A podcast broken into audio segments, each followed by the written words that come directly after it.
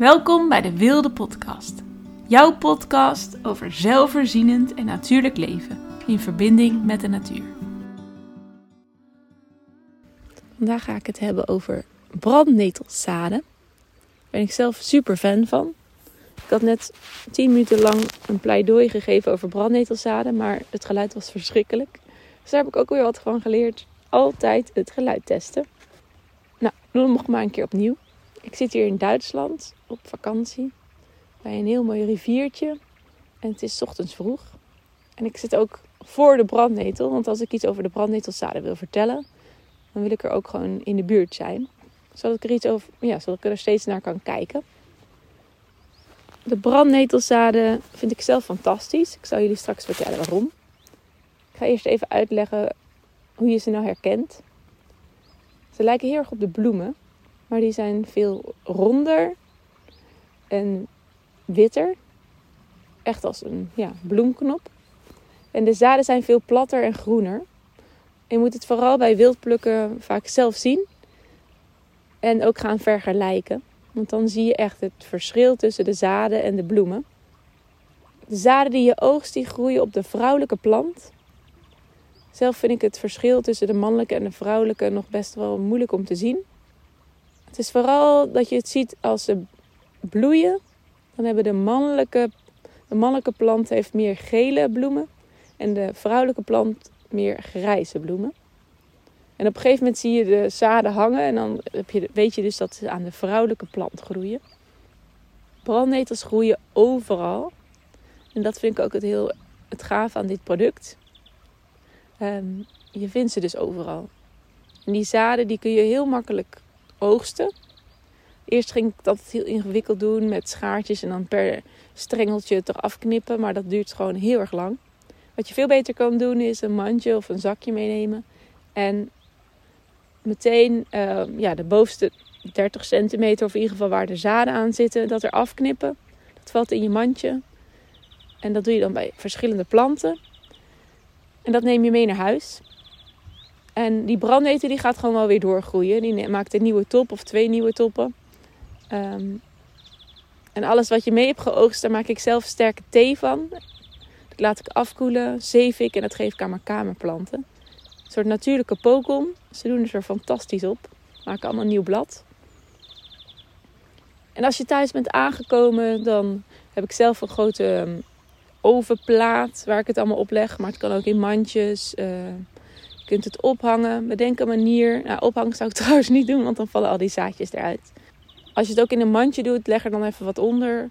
Zodat de zaadjes die al er van het steeltje afvallen, niet opeens verdwenen zijn. Het drogen duurt vrij lang, iets van een weekje. Omdat er vrij veel olie in de zaden zit. Je voelt het vanzelf als het een beetje knisperend is, dan zijn ze gedroogd. En wat ik zelf doe, is dat ik dan uh, een zeef pak en daaronder een kom. En dan druk ik ze eigenlijk door die zeef heen en dan vallen ze allemaal in die kom. En dat is eigenlijk uh, ontzettend makkelijk. Je hebt het heel snel gedaan.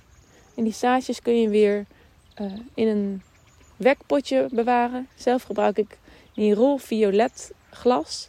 Dat is bijna ja, heel donker paars.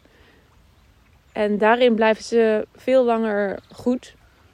Het heeft iets met bepaalde lichtsoorten te maken die er wel en niet doorheen gaan. Waardoor alle geneeskracht heel goed uh, erin blijft. En ze hun aroma goed behouden. En ze, het wordt zelfs bijna een beetje versterkt, die geneeskracht. Je moet maar eens even googlen en dan kun je er wat meer over lezen. Maar het is wel wat duurder, dus een wekpotje kan ook gewoon. De zaden blijven ongeveer een jaar goed. Later blijven ze ook wel goed, maar dan gaat de geneeskracht wel steeds minder worden. Maar waarom zou je die nou gebruiken? Nou, het is een soort. Uh, ja, ik vind het echt bijna de superfood van Nederland. We halen het heel vaak van ver, maar het groeit gewoon om ons heen. Waaronder de brandnetelzaden. Ze werken om je levenskracht wat meer aan te zetten. Bijvoorbeeld bij burn-out of winterdepressie, lichte depressies. Geven ze je meer kracht, meer zin om dingen te doen.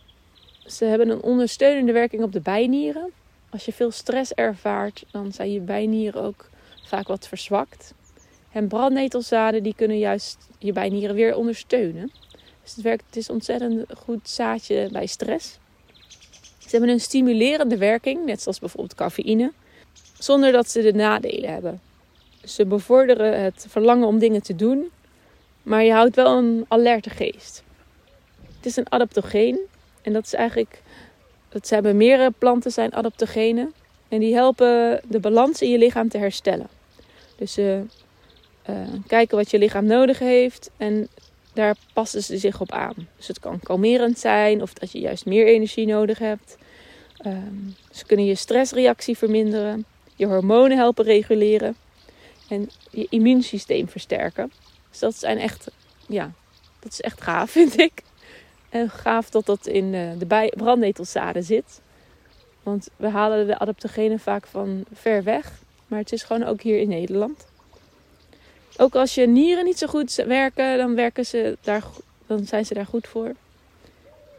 En ook als je dikke darmontsteking hebt, zitten veel antioxidanten in. En het werkt ontstekingsremmend. Ze noemen het ook wel een feel-good zaadje. Er zitten neurotransmitters in, bijvoorbeeld acetylcholine en serotonine. Waardoor je er dus ja, je fijner gaat voelen. Het is goed voor je haar, je huid en je hersenen. Het is ook wel een heel mooi verhaal. In de 19e eeuw was, waren er paardenhandelaars. En die hadden eh, een beetje oude, zielige paarden, maar die wilden ze wel verkopen. Dus gaven ze die twee weken voordat ze ze wilden verkopen een handjevol brandnetelzaden. En daardoor ging hun vacht weer heel erg glanzen. Ze kregen een jeugdige uitstraling, waardoor ze hun paarden veel makkelijker konden verkopen. Maar dit geheime recept hebben ze er niet bij gegeven. Dus die, de mensen die de paarden hadden gekocht, die hadden er na verloop van tijd gewoon weer een zielig oud paard. En dit verhaal, dat had een Duitse dokter gehoord. Die uh, in een verpleegtehuis werkte met bejaarden. En die dacht, hmm, misschien hebben de, mijn bejaarden hier wel wat aan. Dus die, hebben, die heeft ze brandnetelzaadjes gegeven.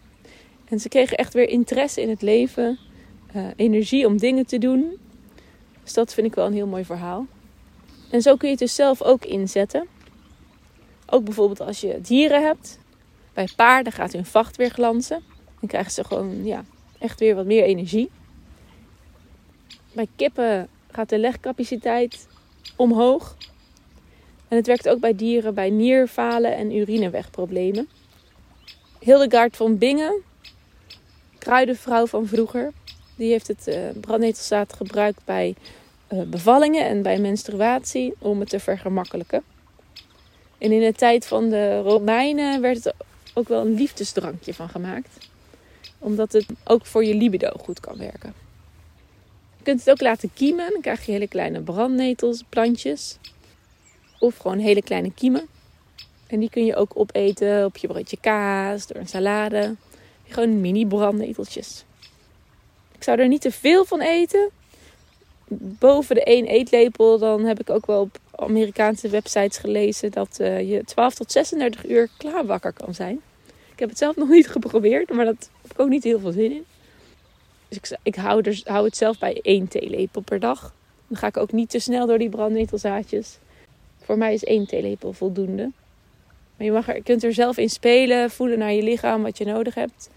En, maar ga niet boven die één eetlepel. Je kunt er ook tinctuur van maken. Zet je het op uh, jonge never, wodka. Meestal is de verhouding 1 deel brandnetelzaden op 5 delen alcohol. Dan neem je 3 tot 5 milliliter drie keer per dag.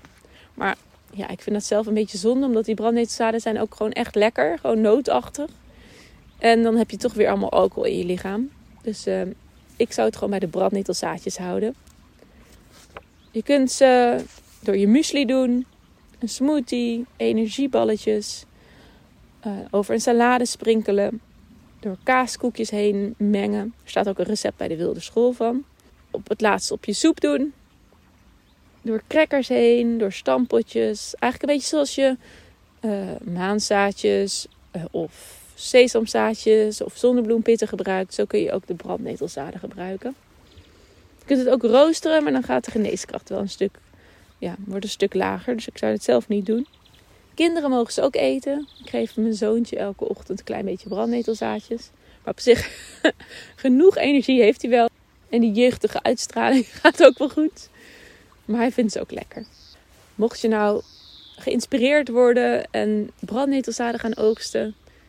Ik zou het ook leuk vinden als je ons, als je Instagram hebt, tagt apenstaartje de wilde school. En dan delen we jouw bericht weer. Ook als je er iets leuks van hebt gemaakt in de keuken. Dan zou het uh, ja, leuk zijn als je het met ons deelt. Want ik ben ook gewoon heel benieuwd hoe jullie uh, de brandnetelzaden gaan gebruiken. Maar het kan ook dus super eenvoudig hoor. Ik doe ze gewoon elke ochtend door mijn yoghurt. Af en toe door een salade. Ja, zodat ik in ieder geval al die levenskracht binnenkrijg. Dit was de podcast over de brandnetelzaden. En binnenkort volgt er weer een nieuwe plant.